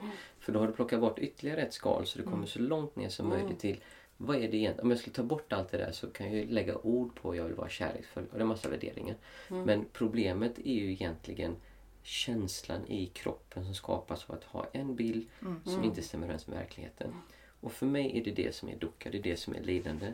När de två inte går ihop. Och jag tryckte och tryckte och drog och drog under tre dagar. För att mitt sinne var ju extremt klart efter att meditera så länge. Jag kunde fokusera på saker och verkligen plocka isär dem och uppleva dem på ett sätt som man normalt sett inte kan. Så när jag hade gjort det och liksom tittat på det tillräckligt länge så på något sätt så gav jag ju upp. Mm. Jag insåg att jag kan inte göra det här. Släppte taget. Och när jag gav upp försvann det. Så då kan man tänka, ja men det är jättebra, du ska bara acceptera och göra. Ja, det är så okomplicerat men det är så bomben svårt att göra det för att vi är uppväxta, vi har alla våra åsikter och allt bakom. Så att jag tog ju detta och pratade med han munken och sa nej det är inget speciellt, bara fortsätt meditera. Liksom. Så, ja men det här tyckte jag för mig var speciellt så jag ska titta på det. Och då tänkte jag, ja men så kom jag fram till detta liksom på något sätt. Jag vet inte hur jag lyckades klura ut det men jag tänkte okej om jag sitter och tänker nu så tänkte jag min gamla flickvän om alla de hade varit otrogna mot mig bakom ryggen eh, och, och liksom eh, varit med någon annan så satt jag liksom och mediterade och drog upp de här bilderna i mitt huvud liksom, och då kom liksom, liksom verkligheten som jag hittade på i detta fallet. Eh, de har gjort det hur jag vill det ska vara. Så gör man inte liksom. Och bara, åh gud vad hemskt liksom. Och så tryckte jag och drog mot det. Och så satt jag med den känslan och försökte göra det som kallas för equanimity eller sinnesjämvikt. Att man inte trycker och drar. Mm. Det är liksom ett, ett väldigt starkt ord inom meditation. eh, Equanimity eller sinnesjämvikt. Du har ett stilla sinne som ett träd trillar ner jämte dig. Du kan röra på dig men du hoppas, du behöver inte, är inte rädd av det liksom. Så jag satt och gjorde detta och, liksom, och då gick man nästan som att man hade en punkt i mitten och håller fingret i mitten så snurrar det andra fingret runt omkring. Och liksom, och det här är inte rätt, det är fel, hon kan inte göra så liksom. Och så vet jag om att i mitten där har jag inget tryck och dra, där är det okej. Men jag tycker inte det är okej för jag ska den jädra, så gör man inte. Och så gick jag runt några varv så sakta ner bara, ja, det, nej jag går inte med på det. Och sen till slut och så okej, och Just det. så kommer bara acceptansen, eller det de kallar för, jag tror det är det man kallar för visdom eller pranja då, att man, man accepterar, man släpper. Du kan inte artificiellt ta fram den känslan, du kan inte tänka dig till den. Utan det är ett sätt att uppleva vad som händer inom dig. Och ju färre ord du sätter, ju färre förklaringar, ju färre tolkningar och bara rena känslor du tittar på, desto snabbare upplever jag att det går. Så när jag satt och, det roliga var att jag kom på att det var en tjej som hade varit otrogen mot mig. Som jag insåg sen bara, vänta här lite, hon gjorde det. Är det är uppenbart att hon har varit med en annan kille. så jag har inte frågat henne om det men i efterhand så är det så superuppenbart vad som hände och jag inte fattar idag. Så det var ganska roligt Intressant. faktiskt. Jag hoppas jag träffar henne någon gång. Jag vet inte hur jag ska ta för då? Jag är inte alls arg på henne liksom, men det skulle vara väldigt roligt att faktiskt höra. För jag är så inte Var alls. du otrogen eller inte? Nej, det, är, det är så superuppenbart nu då. Eh, Så jag tittade på det, släppte det. kom in en kille som såg jävligt bra ut. Liksom, han var muskulär, så bart linnesrör. Jag hade väldigt mycket sådär mot gay. Alltså att jag vill inte vara gay liksom. Jag vill inte, det kan jag inte tänka mig. De flesta killar kan ju inte ens tänka sig sex med en annan kille. Liksom. Jag bara, ha, har vi något att jobba på? Så jag satt ett par dagar, tänkte alla sexuella situationer och positioner jag kan tänka mig en annan kille liksom. All, allting liksom. Och då, ah, nej, det vill jag inte. Men jag satt och tittade på detta. Tryck och drag, hur jag vill ha det. Samma sak. Och till slut så bara släppte det liksom. Ja, och Så var det inte laddat längre? så var det inte laddat. Tänk om jag är gay. Och helt plötsligt så liksom. Det hade varit okej om jag var gay. Men jag hade inget motstånd till om jag var det eller inte. Men innan hade jag liksom en identitet. Jag är straight. Vad är detta? Det vill jag inte vara. Så det jag släppte var ju duckan, distorsionen, skavet. Alltså det, det, jag vill dit och jobba. Motståndet liksom. Jag vill dit och jobba. precis, ja. Och jag tror när folk pratar om alla de här, jag vet folk som jobbar med prenatal eh, therapy. Har ni hört talas om det? Mm, Alltså ja. det som händer i magen Ah. innan du föds. Mm. Att det är där all trauman kommer. Eller när du kommer ut, liksom mammans eh, vagina. Det är där liksom trauman kommer. För då trycks igenom en tom port och ut i verkligheten. Så använder de det för att du hade en väldigt jobbig födsel. Det är Mm. därför du har bekymmer idag.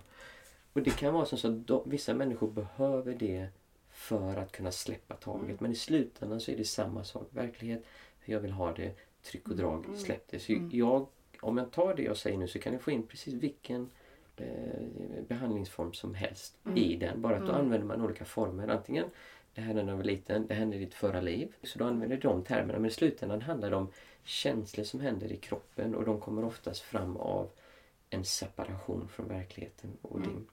Det kallas ju för kognitiv dissonans. Visste Ja, det? ja, precis. Ja. Ja. Så, Så- kallar man det inom psykologin. Ja, och det var liksom en term som många andra liksom. Mm. Eh, Men att verkligen uppleva den. Alltså om du förstår det jag säger nu och kan intellektuellt tänka det så betyder det ingenting överhuvudtaget. För det är en jädra skillnad på att hört det och förstått det intellektuellt men att faktiskt det de kallar då för visdom, att uppleva det är först då som det händer. Mm. Och nu pratar jag om att konstruktivt i en strukturerad miljö gå igenom detta men om du växer och blir gammal så ni börjar märka att vi blir äldre, vi ser inte ut likadant som vi gjorde innan, vi har inte samma energi som vi gjorde innan. Vi har inte samma öppenhet för vi har barn och familj och man och fru. Så vi kan liksom inte, och då måste du naturligt släppa mycket av det här att jag är så viktig, jag måste göra detta. För man bara måste man verkligen släppa jag är viktig. För du är ju sekundär. Finns någon annan som är väldigt mycket viktigare än dig. Det spelar ingen roll vad du säger. Så, och, och hade man som tonåring blivit påtvingad det vi lever med nu hade vi varit miserabla liksom. Mm. Alltså att, att inte kunna röra sig hur du vill, att behöva lyssna på att behöva laga mat, städa. Jo, alltså galen. Men naturligt så släpper vi mycket att jag måste vara på ett visst sätt. Så om man har tur, vilket de flesta har, så, så växer man upp och släpper mycket av det här. Andra gör inte det utan de fortsätter med livet och blir Mm. bittra. Men, men rent naturligt av att åldras så drömmer jag ju någon gång om att kunna sitta på farstun och liksom titta på ängen och barnen som leker. Och Mm. så trillar barnbarnet och slår sig. Så liksom, men det är okej. Men som nyförälder, bara, "Åh, Gud, de trillar, de kanske får hjärnskakning. Och jag har läst om att om de är blåa så liksom, då kommer de att dö. Liksom. Mm. Så en stillhet kommer av detta. En tomhet, men kanske snarare en öppenhet, en tomhet. Mm. Av att släppa den här distorsionen. Mm. Och tar jag den ännu längre tillbaks då, alltså om vi- går ännu djupare på det här med distorsion så kan du släppa distorsionen och uppleva det jag, så när man går runt och känner på saker och känner stru- struktur och man bara går runt och mår bra utan någon som helst anledning. Och det kan vara nästan konstigt. Då vill vi oftast hålla kvar den. Vi försöker liksom hitta vad var det jag gjorde och började jag, då börjar du dra efter någonting igen. Mm. Så det, är det stora ytliga och första gången man upplever så tror man nu är upplyst men det är det verkligen inte. De har bara liksom lyckats släppa det här, oftast genom stort lidande. Mm. Någonting kraftigt händer som gör att du släpper det och, och börjar uppleva det. Första gången jag gjorde det var faktiskt när min farmor dog. Jag minns det så väl. Då, då sa de hon dog. Jag kunde inte förstå det. Och så bara hon är död. Och jag gick runt och jag kunde inte känna sorg. Ingenting. Jag började runt och titta och tänkte. Jag, det slutade med att jag tittade på en, en damm och tittade. Gud reflektionen är vackra. Alltså jag bara var helt och liksom satte handen i vattnet. Och bara, wow. Typisk icke-dualistisk upplevelse när man Mm. verkligen känner på saker, upplever liksom. Och man, det är inte liksom, åh det är fantastiskt, utan det är liksom mer liksom, åh, det är världen i sig själv. Bara uppleva sinnena utan den här diskussionen. Mm. Allt blir så rent, det är precis som att du ser klarare. Mm. Eh, och trillar iväg igen. Men, men djupare är då att jag-känslan är... För I början, icke jag, icke-dualistisk upplevelse har väldigt mycket jag i sig ändå. För det är liksom en glädje. Glädje liksom, wow! Jag upplever glädje. Det är faktiskt väldigt mycket jag i det. Men när man upplevt liksom hundra sådana här, eller flera hundra sådana, då försvinner liksom euforin av det. Och snarare så blir det att, att man upplever en öppenhet, alltså bara en Mm. nästan tomhet. För att jaget är som en, det är en distorsion nästan längs med ryggraden som skapar en centerpunkt. Att när jag fokuserar så ser jag, här är jag och syn kommer ut genom ögonen till er. Så jag upplever, här är jag och jag kan uppleva att jag har ett perspektiv. Jag upplever liksom hur jag tittar på dig så när jag tittar på Caroline. Men i sån här upp, upp, icke-dualistisk upplevelse så tittar man på blomman så tänker man Är det blomman som tittar på mig? Eller är det jag som tittar på blomman? Och man kan inte säga bu eller, alltså ja eller nej. Just det. Det är därför folk blir oerhört spirituella och börjar tolka och så kommer de aldrig komma in i det stadiet igen för de försöker sätta form på det. Men när till och med liksom känslan, när det går ännu längre känslan av att det finns en centerpunkt i det, då är det precis som att man tittar platt. Så man går runt och det bara är syn, du har inget perspektiv. Och där är det ju mer åt nirvana-hållet. Då har du ingen, ingen perspektiv. För det som är jag, alltså du kan fortfarande själviska saker, äta, köpa en bil till mig själv men, men du har ingen distorsion i det. Så liksom det är väldigt svårt att göra någon illa i det tillståndet. För att ilska kommer från att jag vill ha det, du har det. Men det finns ju inget ra. just det. Därför så Många säger att ja, men om du beter dig på det här sättet då försöker de ju tvinga in din vänstra hand där hur du vill att världen ska vara. Att ta våran form. Men nej, det, deras form är inte lika bra. Men våran form, Mm, tar du den, då kommer det funka. Alla de formerna har någon slags flå i sig för att de har att det måste vara på ett visst sätt. Så att du blir fri, du blir du. Och den dun som kommer fram är oftast väldigt snäll och behaglig för att den behöver liksom väldigt lite. Den behöver inte bekräfta något ego, behöver inte ha en viss person, behöver liksom ingenting. Det låter väldigt behagligt. Det är helt... Nu säger jag bara tänk när det var så. Men, Sitta längtansfullt. Men upplever du det men- någon gång? Ja, alltså nu det kommer liksom? Den är, det roliga med det är att man skalar bort. Som om det var 100% innan så kanske det är 40% kvar. Så jag Mm. upplever ju världen annorlunda nu än vad jag upplevde världen innan. Mm. Eh, jag, jag har liksom inte samma motstånd till saker och ting och de trillar liksom av lättare. Men det är sällan jag har så starka icke-dualistiska upplevelser som jag hade innan. Mm. Eh, Men de kommer liksom allt som oftast och de är egentligen inte viktiga. Många får en upplevelse och ändrar hela sitt liv för de tror att nu har jag liksom Mm. sett så här ska det vara så jag ska sälja hela världen, jag ska må så hela tiden. Och som sagt, jag har mediterat 10 000 timmar plus och levt som munk i sex år och liksom tillägnat sista nästan 15 åren, eller nej, det är inte, 13 åren, till detta och det är fortfarande massor kvar för mig att göra. Mm. Så att folk ofta sådär, de blir så glada av detta. Liksom, "Åh, nu ska jag göra detta. Så går de jätteintensivt. Det, det är ingen sprint, det är verkligen ett maraton som man säger. Mm. Det är ingenting ni kommer göra på 10 år eller 20 år. Utan det är liksom en livsprocess. Och kanske man har tur, kanske det är som så, och då går det tillbaka till buddhismen. Nirvana det är slutet av sankara, slutet av dukkha, slutet av destruktion, av skavning.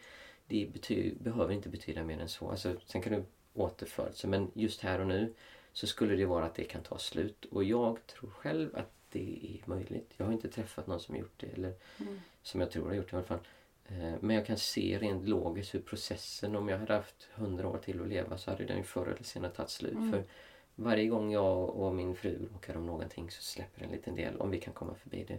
Varje gång jag upptäcker någonting med mitt barn som trycker och drar för jag vill att det ska vara på ett visst sätt så släpper jag någonting. Mm. Så hade man bara levt tillräckligt länge så tror jag alla förr eller senare hade släppt tryck och drag. Mm. Och därav min filosofi. Det är inte svårare än tryck och drag och det som vi kallar för då känslor, att det är en distorsion. Så att om man säger att man har, inte har känslor så låter det jättehemskt men det är snarare att du inte har värdeladdade känslor. Ja, exakt. Utan hela världen är liksom bara att använda sinnena utan... Om jag rör vid detta bordet så känner jag att det är plastigt, det har jag en koppling till. Det är friktion, det är inte helt platt, det är också en koppling till. Det är lite behagligt i värmen. Så att jag har ju minst tre, kanske 15-20 stycken olika inlärda sätt att se på det här bordet när jag rör det. Men om du tar bort dem, alltså tar bort tryckåtdraget, så är det helt magiskt. Mm, det är det här beginners mind. Mm. Ja, exakt. Du tar bort allt det. Och vi tänker, vi tänker men det är bara till att göra. Nej, det är så svårt. Det är så, det är så oerhört okomplicerat så det är löjligt. Men det är så svårt att uppleva världen ur det perspektivet. För att, Det kräver träning helt klart. ja, och det är så många subtila nivåer av det som gör att det är nästan omöjligt att göra det. men tålamod och tid. Det blev ju ändå, eller du lever ju ett ganska annorlunda liv nu mot vad du gjorde då. För nu har du ju fru och, eller flickvän kanske, eh, och barn och hus och sådär. Men hur kom det sig att du till sist avslutade livet som munk och liksom valde att åka tillbaka till Sverige och, och släppa det där? Det var nog de sista två åren så började jag verkligen känna att alltså det börjar bli klart nu. Jag hade upplevt, alltså första gången man upplevde det, det var bara inom första år, första, ja, det var det hade inte ens gått ett år första gången jag var med om detta. Och så höll jag på med det liksom fem år sen, fem och ett halvt år efter. Och insåg till slut att okej, det här är ingen sprint liksom. Jag kommer ju inte fixa detta nu. Och det jag har fått, jag ville ha härifrån, det har jag på något sätt fått. Och jag börjar bli mer och mer trött på all alla ritualer och all religion. För jag är ju ingen religiös person. Alltså jag tycker egentligen att det, folk får gärna hålla på med det men det är ingenting som jag är intresserad du ska av. inte säga att du är buddhist liksom? Absolut inte. Nej. Jag håller väldigt många buddhistiska eh, tros... Eh, vad säger man? Buddhistiska filosofier som är väldigt mm, gynnsamma och sanna. Eh, men jättemycket. För ska jag vara buddhist så ska jag tro på ja, 32 grader av upplysning. Mm. När du är i femte hjärna som är koncentrationsstadier som är väldigt extrema. Då är du återuppfödd i nivå liksom 17. För där kommer man... Alltså, det är helt irrelevant. Mm. Alltså det spelar ingen roll. Däremot så tycker jag att det är en väldigt bra filosofi. Finns mycket att lära sig. Precis som det finns i andra religioner. Men Mm. formen är alldeles för stark för mig. Jag vill ha något som inte har form utan som pratar om vad det är jag upplever. För då, då för mig är det lättast att alltså, ta bort. Du, du, du jobbar ju med det som faktiskt är problemet. Vissa behöver höra liksom alla de här sakerna för att kunna tänka sig det. Annars så, det kan ju inte bara vara så lätt att jag bara slutar och alltså bara är glad hela tiden.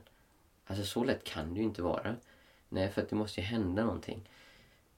Alltså, sanningen är ju den om ni mår dåligt så är det faktiskt så okomplicerat att det handlar bara om att börja må bra istället. Alltså bara sluta må dåligt. Men det kan vi ju inte för att vi har ju banor och mönster och, och, och vad heter inertia. Eh, rörelse, tröghetslagen. Alltså att rullar du en, en, boll åt ett håll så kommer den fortsätta rulla dit. Det kräver jättemycket kraft för att stanna den. Det är därför som att vi hittar på alla de här komplicerade förklaringarna och lösningarna och behandlingsformer som vissa meditationstekniker är ju så Arifmetiken har pratat om hur man kan dela upp all meditation egentligen i två olika s- sätt. Om man går ner till så här då liksom, så är det väldigt okomplicerat. Men vi gör ju alla de här sakerna för att lura sinnet lite grann. Så att men det är okej att du är okej att din man gjorde det här. För han i sitt förra liv var med om något jobbigt. Eller för att du gjorde något hemskt. Okej. Eller för att eh, det är för att du ska växa som människa. Så egentligen är din själspartner och när han gjorde detta så leder Du kan hitta på alla möjliga och det är bara det som du behöver för att du ska kunna släppa. Jag är så trött på sånt. Så jag försöker snarare titta, ja, men skit i det liksom. Det spelar ingen Jag säger inte vad som är rätt och fel. Nej. Det kanske var jättehemskt det han gjorde eller det kanske var jättebra. Det vet ju inte jag. Jag kan ju inte säga att, att det liksom var bra när eh, västvärlden besegrade tyskarna. Liksom jag tycker det. För ur mitt perspektiv är jag väldigt glad att, att det inte blir nazisterna som tog över världen. Men jag, alltså det är ju för att vi vann. Mm. Eller så. Hitler tyckte säkert inte att han var en dålig person. Han var nog övertygad om att han gjorde det som var absolut bäst för världen. Liksom. Så att, strunt i allt det. Titta på liksom hur du upplever världen runt omkring och hur du relaterar till den. Och sen försök bara göra ditt bästa. Liksom. För vi lever trots allt i världen. Det kan vara bra att, så som jag gjorde då under sex eller åtta år var jag borta, faktiskt ta ett steg tillbaks från världen och gå och leva på ett sånt här center. Eh, Det finns jättemånga olika. De jag levde i var ju väldigt, jag levde i Asien strikta meditation som är en theravadisk tradition. Där det handlar om att det är du som blir upplyst, du måste jobba. Men sen bodde jag också i, som jag har nämnt lite grann, i Frankrike på Plum Village som är en mahayanisk tradition. Som är att det handlar inte om att du ska bli upplyst utan du ska komma precis till upplysthet. Sen ska du dö och komma tillbaks och så hjälpa hela världen. Så att om hundratusen livstider, då kan hela världen bli upplyst på samma gång. Så där pratar man mer om att det är liksom... Eh, ja, det är inte upp... Var alltså- det hos Thich Nhat Hanh? Ja, det som mahayaniska traditionen är ju sån att det handlar om att du ska hjälpa världen. Egentligen vara en god person liksom. De centren är mycket lätt, mer lättillgängliga tror jag för någon som lever med en familj. För att det kom väldigt mycket som så många som, människor som är lost eller broken eller damaged even. Att de verkligen liksom är, är, är fördärvade. Man ser, ni vet när man pratar med vissa människor så märker man att, att de har varit igenom någonting som gör att de är inte riktigt... Det är en, en, en liksom... När de pratar, det är en osäkerhet i allting. En väldigt liksom... Energi som jag säger. Ja, precis. vi kalla för energi. Eh, vad du vill. Eh, som gör att när de pratar så hör du att någonting har hänt dem. Mm. Många av de människorna kommer till, till Plum Village i Frankrike och det är många som bor där under ett år som interns. Och då går du upp på morgonen, du, du städar, du liksom plockar rabatter, du lagar mat. Så det är ett mycket mer hands-on sätt att leva på center än de här superstrikta där du mediterar. Och då, det tror jag är mycket bättre för folk som har utbrändhet, depression, för det är mycket mjukare. Alltså jag lovar er att sitta och meditera 10-15 timmar om dagen. Det är bland det tuffaste ni kan göra. Liksom. Ja, gud. Och de tillåter inte folk som har psykiska sjukdomar. Mm. För att de blir tokiga och tar av sig kläderna och springer nakna och badar i dammar och tror de är i Jesus och Buddha. Alltså jag har sett konstiga saker. Ja, det finns berättelser. Det vi pratar om nu, det är så svårt för mig att sammanfatta liksom åtta år i, i den världen. På något sätt under, på, eh, nu blir det ju nästan två timmar. Men eh, det händer konstiga saker när man sitter och det är mycket mjukare att gå på ett sånt lite softare. Jag, hade, jag var ju så glad att jag fick ju vara liksom halva året, ja, nästan hela året, men sen var jag oftast två, tre månader på Plum Village under sommaren med massor av folk. kom tusen personer ungefär varje sommar Eh, med barnfamiljer och då fick jag liksom sitta på de här centren som är jättestrikta och bara träna upp sinnet så att det blir superskarpt. Och sen så bara pff, massor av distraktioner. Liksom, och snygga tjejer och liksom massa prat och liksom man fick gå och äta pizza. Och bara, what? Liksom musik, det var helt förbjudet i de centren. Och så fick man sitta med det och sen bara wow. Och sen kom jag tillbaka så fick jag sitta liksom och, och uppleva det igen. Så jag sa alltid att bästa, ultimata sättet och om du vill göra det här så snabbt som möjligt, det vore liksom tre månader superintensiv meditation på de här ja, 10-15 timmarna om dagen. Tre månader på ett ställe som Plumvillage med massor av folk och massor av saker. Liksom, men ändå en kontrollerad miljö. Det är ju liksom, det är en fantastiskt vacker miljö. Södra Frankrike, Bordeaux, helt alltså, Mm. gudomligt. Liksom. Dit ska vi åka någon gång. Ja, verkligen. Ni hade älskat det. Mm. Och om det är någon som lyssnar på detta kan varmt rekommendera deras sommarretreat de har där i juli månad. Mm. Tyvärr var det inställt i år för att eh, corona då. Mm. Ehm, så, så tre månader och sen tillbaks tre månader och bo med familj och barn och gärna en fru som har liksom varit otrogen och liksom hela åt helsike allting. Bara kaos. Och sen tillbaks till sitta tre månader jätteintensivt. Mm. Tre månader på Plum Village, någonting mittemellan och sen in i verkligheten. För att problemet är att när du har en sån jättekontrollerad miljö som man gör i de här centren som är 10-15 timmar om dagen. Det är så långt ifrån verkligheten så att det är väldigt svårt. Du tränar upp sinnet, blir skitskarp men slänger du en sån person i vardagen så tycker de att de här gör fel. Mm. De gör inte, utan, men det handlar om att du ska kunna röra dig i den världen. Plum Village är lite närmare. De har kanske sju timmars meditation i veckan. Mm. De kallar det för liksom active, eller mindfulness då, liksom, det, är det, hans, det är han och, och John Kabat-Zinn som är de stora inom Mm, mindfulness och en exakt. beteende, Mm. eh, en behandlingsform. Då. Så där handlar det om att liksom, du ska vara medveten när du rör dig. Mycket närmare verkligheten men ändå långt ifrån verkligheten. Mm. Och så tar man då verkligheten så att alla, jag var så glad. Jag kom dit och tänkte wow, det här är fantastiskt. Det är precis det som ska saknas i Asien där man liksom bara är så strikt. Och sen kom jag tillbaka och satt liksom wow, det här är fantastiskt. Sitta 10-15 timmar, det är precis det de saknar i Plum Village. Så jag fick ju fördelen att jag fick ju röra mig olika. Och sen hade jag, jag hade ju inte ett vanligt liv men jag kunde komma tillbaka till Sverige och hälsa på en månad ibland liksom och träffa människor och leva ganska normalt. Mm, så Alltså- du fick lite ändå, Ja. ja, lite, liten dos av Liten det dos, vanliga liksom. livet på något vis. Mm. Så i slutändan handlar det om att träna upp sinnet så att det blir tillräckligt skarpt. Sen titta på vad som händer inom dig utan att trycka och dra för mycket. Och, och när man gör det ganska naturligt, folk som blir utbrända och går igenom saker, ofta så drar de ju tillbaka sig. De, de drar sig tillbaka, de kanske slutar äta kött och för att de känner att det påverkar en för mycket. Och man blir väldigt uppmärksam på hur man har världen runt omkring sig och träffar mindre människor. Och det kan vara väldigt bra att göra det. Det som inte är bra är att tro att det är ett bättre sätt att leva än att leva Mm. ett vanligt liv och gå 9 till 5 till jobbet. För om de är glada det så är de det. Mm. Ni Mm. behöver liksom inte Whatever rata works. dem och tycka att de... Nej, men verkligen. Men du just nu behöver någonting. Och det är naturligt. Sen ofta så kommer man tillbaks. Man går igenom det här så att man lägger ord liksom. Man, man lägger olika värden i olika ord. Och jag har ett period där det var, jag måste ha varit så jädra jobbig att prata med. För så fort man sa någonting, vet du nu sa du det. Har du tänkt på vad det betyder? Alltså, alltså att folk klarade av liksom. Ett tag var det lite jobbigt Ja, alltså- med, det kan jag faktiskt erkänna. Jag fattar inte det liksom. Men, men det är, alla går igenom det. Mm. Alltså det är verkligen... Så det är det som jag, nu har jag bara en tjej som jag jobbar med och pratar med. En ung tjej som jag kände när hon var barn faktiskt. Från vän, barn till en, en kompis. Som jag pratar med lite så här. Och det är väldigt kul för att alla går igenom precis samma Mm. saker. Som Ja. sagt, hundratals människor. Och så försöka få dem att... Jag ser det som mitt jobb att få dem att släppa för så många former som möjligt och bara liksom komma vidare och inte halka in i det som jag halkar in i. Det som jag har sett hundratals andra halka in utan faktiskt gå vidare så snabbt som möjligt. För i slutändan så är det liksom det är nästan som att man lever vanliga livet. Det är så här det ska vara. Sen bara liksom det här är helt fel. Det här är nya livet. Så här ska alla leva. Alla borde tänka på det här. Det är detta man ska göra liksom. Lite nyfrälst. Nyfrälst, precis. Och liksom, och ni använder fel ord, ni tänker inte på det, ni måste göra så här. Och man ska liksom kontrollera miljön runt omkring sig till att när man kommer igenom det så på något sätt så är det nästan som att, inte ett men ett liksom Mm. Aha, det var ungefär precis likadant som innan, bara det att jag ser liksom annorlunda på alla sakerna som händer.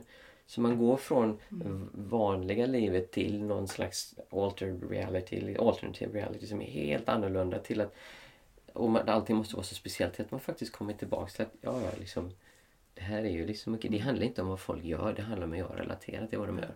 Mm. Så då, då börjar det bli liksom en mer sluten cykel. Och jag tror, för mig har det verkligen varit så. Jag gick från vanliga livet extremt, jag gick in för att få karriär, jobb, fru till liksom extremt, liksom mitt liv, jag är ganska extrem. Bli munk, skippa allting till att liksom, okej det kanske inte behöver vara riktigt så. Mm. Men jag är ju tvungen att gå igenom det. För andra kanske det räcker att eh, någon går bort eller att liksom, någon blir av med jobbet. Alltså, alla de sakerna som händer som är jobbiga leder ju oftast till eh, någon slags eh, introspection heter att man tittar inåt. Mm, precis. Eh, Reflektion. Mm. Jag har ofta sagt att liksom, det finns en annan, det var liksom enlightenment by torture. Mm. Alltså om någon hade blivit satt i ett tortyrrum och blivit torterad till slut så det är ju så jättemycket tryck och drag. Då släpper man ju det liksom Mm. naturligt. Det hör man i historien folk som har blivit att de, liksom, de är där men de liksom, deras sinne är någon annanstans. Folk gör saker på deras kropp men de liksom inte... Vad ska hända? Jag kommer, för att de har redan accepterat att jag kommer dö. Mm. Vilket för övrigt är en stor del av buddhismen också, att man meditation, mediterar på döden och accepterar att, att vi kommer att dö. Liksom. Mm. Så har man den här tryck och dragfilosofin bakom så kan du väva in vilken behandlingsform som helst i den och titta på. Bakom alla de där orden så handlar det om någon slags distorsion vi försöker bli av med. Bara att vi använder olika ord och termer Mm. för att beskriva den. Och de är jättebra men jag tycker man ska vara försiktig med att ta dem på för mycket Mm. allvar eller för, för precis att det är så här det är. Liksom. Utan det är bara ett ord vi använder för att kommunicera och vi behöver dem. Liksom. Mm. Sen tror jag det finns massor av behandlingsformer och teorier som funkar. Och riktigt, jag tror till och med han som pratar med, med bläckfiskmänniskorna, liksom, han kan få massor bra av det också om han liksom Mm. inte, vilket han hade, verkar ha gjort, spårar iväg för mycket och liksom börjar måla bläckfiskar på väggarna. Liksom. Men du, hur var det att komma hem sen? Ja, det var ju... Då, då hade du träffat? Ja, jag träffade ju min äh, fästmö. ja, fästmö än så länge. På Eh, Plum Village, eller hur? Nej, det Nej, var var i? Sri Lanka på ett Ja. tyst, tyst meditationscenter. Men jag var ju munk så Oj, hur, prata. så var det. Hur flörtar man på ett tyst nej, det är meditationscenter? svårt. Jag, jag flörtade absolut inte. Liksom. Det skulle jag aldrig tänka. Nej, jag menar det. Inte med talar. Nej. Eh, då hade jag redan beslutat, det var ju nästan ett och ett halvt år sedan jag beslutade att jag skulle åka tillbaka. Så det var en jävla tur, annars hade det liksom inte Mm. varit bra. Eller hade jag inte, då hade jag inte varit intresserad på det sättet. Så du är redan på att avveckla det? Ja, jag var ju, skulle hem till Mm. Sverige och sluta vara munk när jag var i Sverige. Jag hade inte Mm. berättat för någon där nere men jag hade liksom förberett om det här med att jag kommer hem och ska Mm. eh, sluta vara munk. Då liksom eh, och då var jag fortfarande inne liksom i det här speciellt på något sätt för jag, då hade liksom min stora resa slut. Eh, och så kom jag hem och ja, så levde vanligt liv så gott det gick. Jag hade fortfarande munkläder på mig några månader hemma och liksom, när jag kände mig redo då tog jag av dem och så liksom gick det några månader och vi liksom, då, kom jag, då träffade jag henne sen så jag var i Holland och träffade henne och så blev vi ännu mer kära. Och så kom jag till Sverige och så house surfade vi liksom bodde hos folk hem när de var borta liksom. Och försökte hitta ett liv, började jobba lite grann och så började jag se på det. Och det var ju, jag gick ju väldigt mycket liksom fortfarande med liksom världen så som den var när jag var munk men jag hade inte kommit hit. Men jag kände att jag ville ta steg ifrån det så jag liksom slutade ju. Jag hade lite kurser men sen bara nej. Jag var ganska trött på allt det där för spirituella människor kan vara jädrigt jobbiga alltså. De är så, vilket sätt ja, de är så intensiva, de har så mycket åsikter. De, de anser att de är så bra att inte åsikter men de har ju mer åsikter än de flesta vanliga människor. Mm. För de vet ju vad som är rätt och fel. Mm. Och allting här, det är som så att du kan knappt ha en vanlig konversation utan att man går in och frågar på vad som hände när du var barn och pratade med din mamma för första alltså, Så du behövde lite detox från Ja, hela ja det men faktiskt. Jag, jag säger inte att de grejerna är dåliga, bara att Mm. hade hört de historierna hundratals gånger och alla har samma grejer. Alla tycker de är lika speciella och ingen vill lyssna för att jag vet ju hur det är. Du, det är ju liksom du som har fel säger de till mig för att jag upplever detta. Detta är sant, du förstår inte. Ja, men jag har liksom upplevt mer meditationsupplevelser än, än de flesta jag någonsin har Mm. träffat. För att för mig kom det så enkelt. Därför blev det också någonting som blev avskalat från speciella för att det var så lätt för mig. Mm. Andra kanske upplever en sån grej och liksom de, de sitter och mediterar så ser de ett ljus och fylls av liksom en helt enorm kärlekskänsla som är totalt, alltså man bara känner kärlek mot allting. Mm. Och så tänker de att wow, nu har jag träffat Gud. Skulle det hända i en kyrka, vilket det kan göra för att du blir så koncentrerad så det, det finns, ja det kallas för något, vi går inte in på det nu. Så upplever man, jag upplevt det här nu, liksom, nu har jag upplevt Guds heliga ande i mig. Mm. Eller jag är buddhist, nu upplevde jag eh, arising and passing away, fjärde steget, utvecklingsfasen. Eller jag är hittar på vad som helst. Så, du kan komma på vilka förklaringar som helst men i slutändan så är det bara ett ljus som är fullt av en känsla och sen försvinner den känslan. Men folk tar gärna den och svävar iväg. Jag är väldigt speciell, jag har upplevt ett ljus.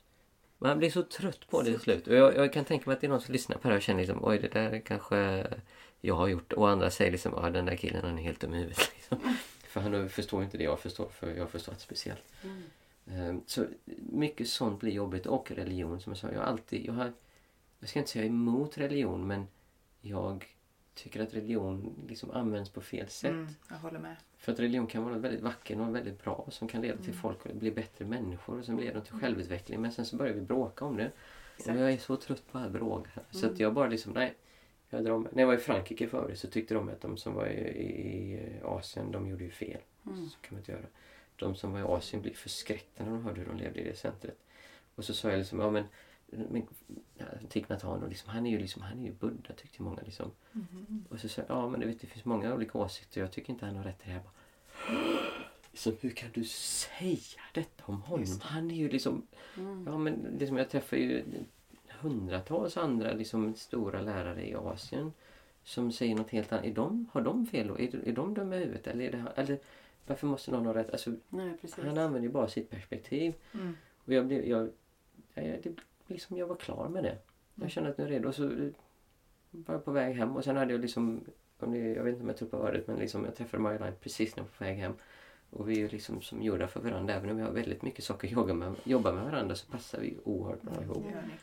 Eh, och liksom jag är glad att det hände då. Så att jag, jag hade inte ens kunnat tänka mig att gå ut och liksom ragga och försöka träffa någon. Alltså jag får nästan ångest att tänka på det. Eller börja med en sån här dating site. Fy fasen, det hade inte varit min... Mm. Nej, det hade jag inte orkat med liksom. Jag, jag, är, väl- jag är glad det nu. Jag, det har jag inte ens pratat om men jag gick igenom en utbrändhet på grund av eh, diverse saker. Min pappa gick bort, jobb eh, och mycket tror jag hade att göra med att jag levde ett liv där jag liksom Ja, det är lite mycket. Jag åker och tar intensiv retreat i tre månader. Bye bye liksom. Jag hade liksom en, en, jag, varje dag mediterade jag alltid liksom minst fyra, fem timmar. Alltså det blir, även när jag var hemma och det var riktigt lite, kanske det var tre timmar. Men det var liksom nästan aldrig mindre. Så jag hade en enorm liksom, bank av liksom, energi och liksom, stillhet att ta ifrån när det blev jobbigt.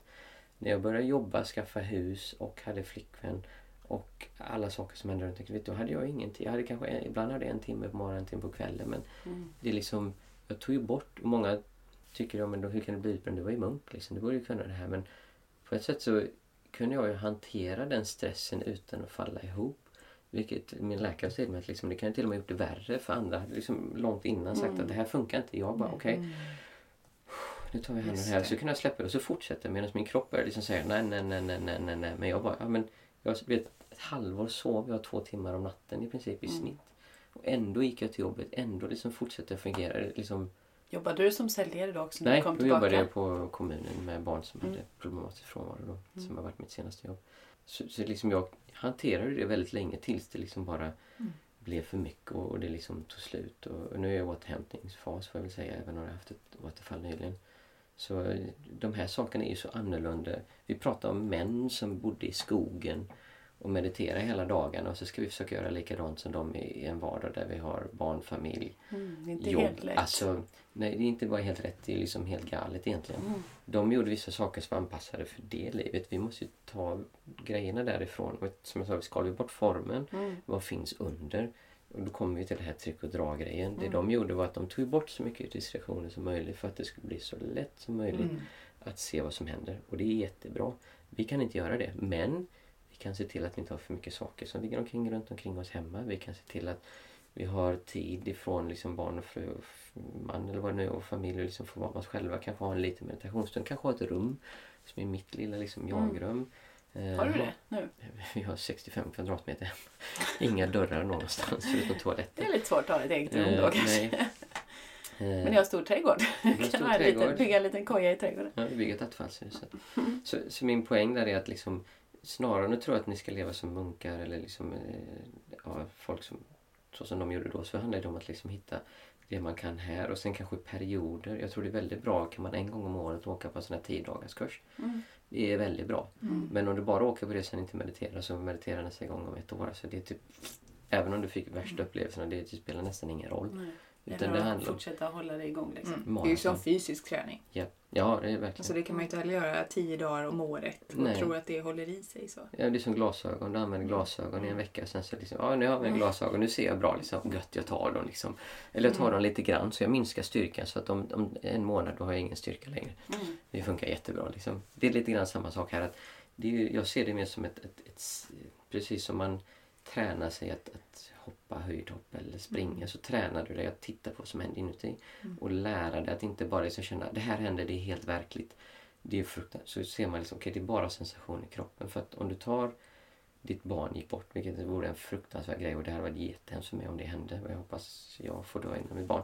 Skulle det hända så i slutändan så är det ju någonting som har hänt men problemet är hur det känns i min kropp. Mm, jag kan reagera på det på olika sätt. Mm, mm. Och vi tycker ju då att om jag släpper och inte mår dåligt, vem är jag som person? Hur en människa vore om jag inte vore ledsen när mitt barn dog eller när min pappa och mamma dog. Mm. Och det handlar egentligen inte om att inte vara ledsen utan att, att inte reagera så starkt utan säga att det här har hänt, den här Mm. personen har dött. Jag älskar dem. Min pappa gick bort och liksom det var jättejobbigt. Jag hade mycket att gå igenom där. Men nu kan jag tänka, återigen, ålder ger detta helt naturligt. Nu kan jag tänka min pappa och tänka att jag är jätteglad att sista halvåret var han dålig för han hade haft en, en blodpropp och höll på att dö, den där stroken. Och, men så fick vi fyra månader då vi verkligen fick knyta ihop. Mm. Jag är tacksam, jag har accepterat, även om jag hade jättemycket lust med min pappa, så jag är väldigt tacksam för att han har älskat sig på mitt sätt. Mm. Att han har funnits där så mycket som har gjort att han har gett mig alla de allt, allt av hans, mycket bagage som varit hans men så mycket positiva och bra Mm. saker. Och jag behöver inte idag liksom bli jätteledsen och tycka det är skithemskt utan jag har liksom på något sätt bearbetat det. Men, Mm. Men vi tror att vi måste reagera på detta sättet. Vi måste Mm. ha det så här. Mm. Och det är mycket det som sätter stopp. Återigen det jag sa innan att det är väldigt okomplicerat att må bra men det är jävligt svårt. Mm. För att vi tycker inte det är okej att bara må bra. Mm. Tänk om din man skulle lämna det. Nej, tänk om din man skulle lämna dig och springa iväg med en annan Mm. tjej som är 15 år yngre. 15, då blir hon jävligt ung. 10 år yngre och allt det som du har faser för. Liksom, som är bra på allt det du tycker du är dålig på. Liksom. Mm. Och må bra i det är ju jävligt Mm. svårt. Men i slutändan så är det bara egentligen, ja men det är okej. Fast jag Mm. har ju, så om fem år så kanske du lyckas göra det. Men du Mm. kan göra det så snabbt som Mm. jag gjorde när jag satt och tittade på Håriga munken. Mm. Bakifrån. Och hade, men då hade jag lidit. Håriga munken. Jag hade lidit i tre dagar med überkoncentration. Ja, och på något sätt till slut kommit till en punkt där det bara liksom, nej men det här är ju dumt. Mm. Och det, det är verkligen som så. Många har upplevt detta livet, ni har något ni tycker är jobbigt och så man och mår dåligt till slut bara, nej nu räcker det liksom. Och då bara släpper man det. Så genom att meditera och träna sinne så kan man släppa det snabbare. Har du haft nytta av alla de här eh, lärdomarna och det här med, vad kallar du det? Tryck och dra. Tryck och dra. Och det nu genom din utmattning. Alltså har det varit lättare för dig att, att landa det och på något sätt acceptera situationen för, en, för så Ja. som den var? Jag har, jag har jobbat med folk som har utbrändhet. Jag har för mig, suttit med folk på flygplan till och med som fått panikångestattacker. Som gav mig sin mobil och sa här är numret till min fru, ring henne och säg att Mm. jag älskar henne nu när jag har dött. Eh, så jag har ju suttit med folk men insett att jag har aldrig riktigt förstått vad det är. Jag trodde att det är sinne som springer iväg, man tänker för mycket. Men det det handlar om är att nervsystemet är fördärvat. Mm. Eh, alltså det har tagit så mycket stryk och så mycket kortisol under så Mm. lång tid. Att, När man är utmattad. ja, så Mm. det spelar egentligen ingen, det spelar inte så stor roll hur mycket jag mediterar. För att. Mm. och folk tänker, ja men du som är munk, herregud, varför stressar du? Ja men det är inte stress. Jag blir stressad att komma in i ett rum där det liksom är mm, i bakrummet. Eller när jag kör bil. Det här med högkänsligheten Ja, igen? ja, man blir ju det. Kanske Så- är det Ja, det är väldigt likt. Eh, jag kör bil och det regnar ett tag. Jag, blir, jag höll på att köra diket. Jag fick stanna för jag fick panikångestattack. Liksom. Mm. Jag fick panikångestattack också. Så att det som har hjälpt mig är att jag har ju mycket lätt... Första gången jag fick panikångestattack så tog det mig... Då ringde ambulansen för jag trodde jag verkligen skulle dö. Liksom. Mm. Var, något var ju fel. Det tog mig kanske en kvart, 20 minuter innan jag fick lugnat ner. Och när de kom efter en halvtimme så var jag helt lugn. Mm. Men så är det oftast inte första gången man får en Mm. sån kraftig som jag fick där det känns som hela världen var. För jag har ju varit med om liknande i, i meditationen. Mm. Eh, Så dels det men också att acceptera att jag är sönder. Mm. Alltså jag är ju faktiskt sönder. Det har jag också fått acceptera Ja. att jag är. Vi är ju inte de vi var när vi träffades för 15 år sedan. Men det är okej. Och det är okej. Det, Ja. det är ju jobbigt att liksom inse att jag kan inte ha så långa dagar. Jag kan inte ha... Jag hade liksom tusen saker igång hela tiden. Nej, jag måste skala bort Mm, dem. Jag får mm. fokusera på en sak i sänder. Och jag kan inte ha mer än kanske två, tre saker som jag har som mina intressen. Innan hade jag liksom tusen intressen, hundra Mm. vänner. Mm. Jag kan inte det. Och den acceptansen pratar med en, en man som jag går, eh, en, en präst som, pratar, som är jättebra. Eh, även om jag inte är kristen men han är väldigt bra liksom, samtal sådär med. Eh, och han sa det liksom, har du accepterat att du inte du är du? Jag bara, ja, det, det känns liksom Mm. okej. I början var det ibland jobbigt men det, det, den processen gick nog väldigt snabbt för mig för att jag är van vid att inte hålla kvar att jag måste vara på ett visst sätt. Ehm, så där har det hjälpt. Och sen har det också hjälpt att jag kan alltså, andas mig igenom jobbiga känslor och när det blir för jobbigt så känner jag vissa andra, jag vet min fru också levt av utbrändhet och hon liksom reagerade ute med ilska och fattade inte vad som hände. Liksom, liksom, någonting är fel och så bara slår hon ut men fattar inte riktigt. För mig märker jag väldigt tydligt när det blir för mycket och då drar jag mig oftast tillbaka utan att kasta skit på alla andra runt omkring mig. Mm. Så jag är bra på att, att liksom hantera det själv eftersom jag har suttit så oerhört mycket med vad som händer inuti. Så Mm. fläker jag inte ur. Om jag mår dåligt så tänker jag inte att det är för att hon la tallriken fel i diskmaskinen. Alltså, ja, jag dina apförbannad för henne. så. Ja, Mm. jag blir skitförbannad på henne för att hon gjorde det. Men jag är också medveten om att alltså, det är ju inte det som är problemet Nej. egentligen. Och en bok som är så underbar, Stranger in a Strange Land av Robert A. Heinlein. Mhm. Den är bra. Om ni gillar de här sakerna så, så läs den. Där, Då pratar han om en man som kommer från Mars. Som uppväxt med marsianer som inte har våra... Han är jättebra science fiction. En av grundfader, tre stycken som börjar sci-fi. Han är en av dem. Mhm. Isaac Asimov. Heinlein och eh, Arthur C. Clarke. Så jättebra bok. En marsian som kommer till jorden och inte kan våran kultur och bara tittar på allting. Liksom, vad gör de för någonting? Och sex, varför är det så mycket tabu för det? Varför är det tabu för att bete sig på det sättet? Och så säger han grock. Och grock är precis det jag pratar med. Att man, det är att man, han sa om någonting hände och han blev upplöst och sa jag ska, jag ska ta och grocka på det här. Då tar han sig tillbaka och så bara upplever han det tills han har släppt det. Liksom. Och de, Okej. I boken så förklarar de det är lite sådär kultgrej. Så ibland ser man grock någon som säger I, I need to grock this, säger de liksom. Det är att man, att man på djupet förstår något. Bearbeta Inte, att man bearbetar att du förstår vad det är som händer och kan släppa det. Liksom. Mm. Så mycket, jag, jag ser det som att jag Ja, grockar liksom. Han brukade ta, hålla andan i ett par dagar och sätta sig i botten på en swimmingpool. Oj! Gjorde- Så inte det gör inte jag, även om jag kan hålla andan länge. Så brukar jag snarare så att jag går tillbaka och känner upplever det här. Så, så liksom det är precis som att man tar de här distorsionen och så löser upp den. Och varje gång du gör det så släpper du lite av det här fasta liksom som är där. Och det, det som är svårt att förstå är att det är stora grejer men sen har du det när du tittar på grön färg. När du går in i ett rum. När du ser att möblerna står på ett visst sätt. Därav feng shui. handlar om att minimera tryck och drag för att vi har vissa Ryggen emot en dörr skapar en viss distorsion. Vissa personer skapar Alla personer skapar en distorsion. Så att när man börjar titta på detta så inser man helt plötsligt att det här är ju oändligt. Vilket gör att jag, min första grej när jag jobbar med någon är liksom bara liksom chill, ta det lugnt. Du kommer inte bli upplyst detta året, förmodligen inte nästa år eller nästa decennium heller. Utan bara liksom ta det lugnt och ta en sak i sänder. Du kommer inte lösa alla dina bekymmer på en gång utan nu börjar vi jobba med detta. Vad du nu gör så väljer man en sak och försöker skala bort det andra. Titta på detta, försöker inte göra det till rätt och fel eller säga att världen är fel för att fan att de har alla jädra mobiler, det är därför jag mår dåligt. Nej, världen har alla mobiler. Många mår dåligt av det men det spelar ingen roll. Vad ska du göra åt det liksom? Ja, så att man, man, liksom, man, man minimerar. Därav gillar jag också filosofin bakom asketism, alltså att leva som munk och enkel. För att det ger en utrymme att, att faktiskt träna det här sinnet lite grann. Som det, är en, det är en skill precis som att använda träverktyg eller måla eller vad som helst. Att, att ta er tiden så gott ni kan. Mm. Och gör det för att allting blir lättare. Har man lärt sig använda en kniv så kan du tälja en, en, alltså en, en, en stolpe eller du kan tälja en figur eller en leksak. Alltså du kan göra jättemycket saker med en kniv. Och det är lite grann detta handlar om. Liksom, att Mm. man tränar upp förmågan att använda sinnet. Liksom. Mm. Har du några kurser eller så inom meditation eller så? Jag, ha, jag hade det innan. Eh, och jag hade alltid, liksom, jag brukar kalla för mina Skype-elever, typ fyra, fem personer som jag regelbundet pratade med. Och som jag hjälpte liksom, då. Jag tyckte det var jättekul. Men sen har jag liksom som sagt tagit ett steg tillbaks. Men nu har jag en person, en, en tjej som sa, en ganska ung tjej som jag kände sedan hon var liten, vilket är jätteroligt. Eh, och jag tycker det är kul, så jag hoppas ändå att jag kommer komma tillbaks och skulle gärna vilja göra mer. Men som jag också min utbrändhet, och jag inte, innan så var jag liksom, då vill jag ju hjälpa folk. Nu är jag helt okej med att folk mår dåligt. Så jag, har inte samma, jag har inte den drivkraften av distribution. Nej. Utan nu är det snarare att jag tycker det är väldigt, väldigt intressant och kul att jobba med. Och som i denna miljö vi pratar nu när det inte är liksom allt för mycket urspårning på saker som jag tycker är menlösa.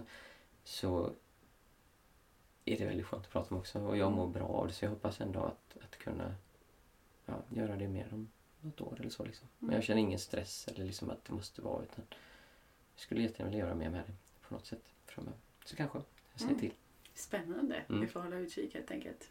Kanske något framtida samarbete. Ja, absolut. vet aldrig. Mm. Ska vi börja runda av kanske? Mm. Ja, Mm. det får vi nog göra. Även om vi hade kunnat prata i flera dagar, Ja, Mm. tror jag. det tror jag också. Men, Superkul eh, att prata med dig i alla fall. Tack. Och få höra allt det här. Ja. Tack så jättemycket för att du ville komma hit. Det var roligt att vara med och, och prata med alla er som lyssnar. Mm. Kul. Tusen tack. Tack själv. Tack. Man märker att vi pratar om ganska lika saker, vi och Martin egentligen, fast vi använder olika ord för det. Mm. Men jag känner också att jag har lärt mig mycket. Ja, under de här två, två avsnitten. Mm. Känner du också det? Absolut. Det var jättespännande att prata med Martin tycker jag. Ja, men eller hur? Hoppas ni också gillade det i alla fall. Mitt företag heter ju Hållbar hälsa stresshantering.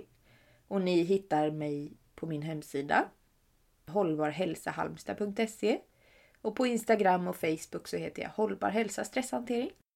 Och mig hittar ni på tankaromhögkänslighet.se och eh, på Facebook och Instagram heter jag också Tankar om högkänslighet. Så vi hörs om ett tag igen. Ta hand om er. Ha det gott! Hej då! Hej hej!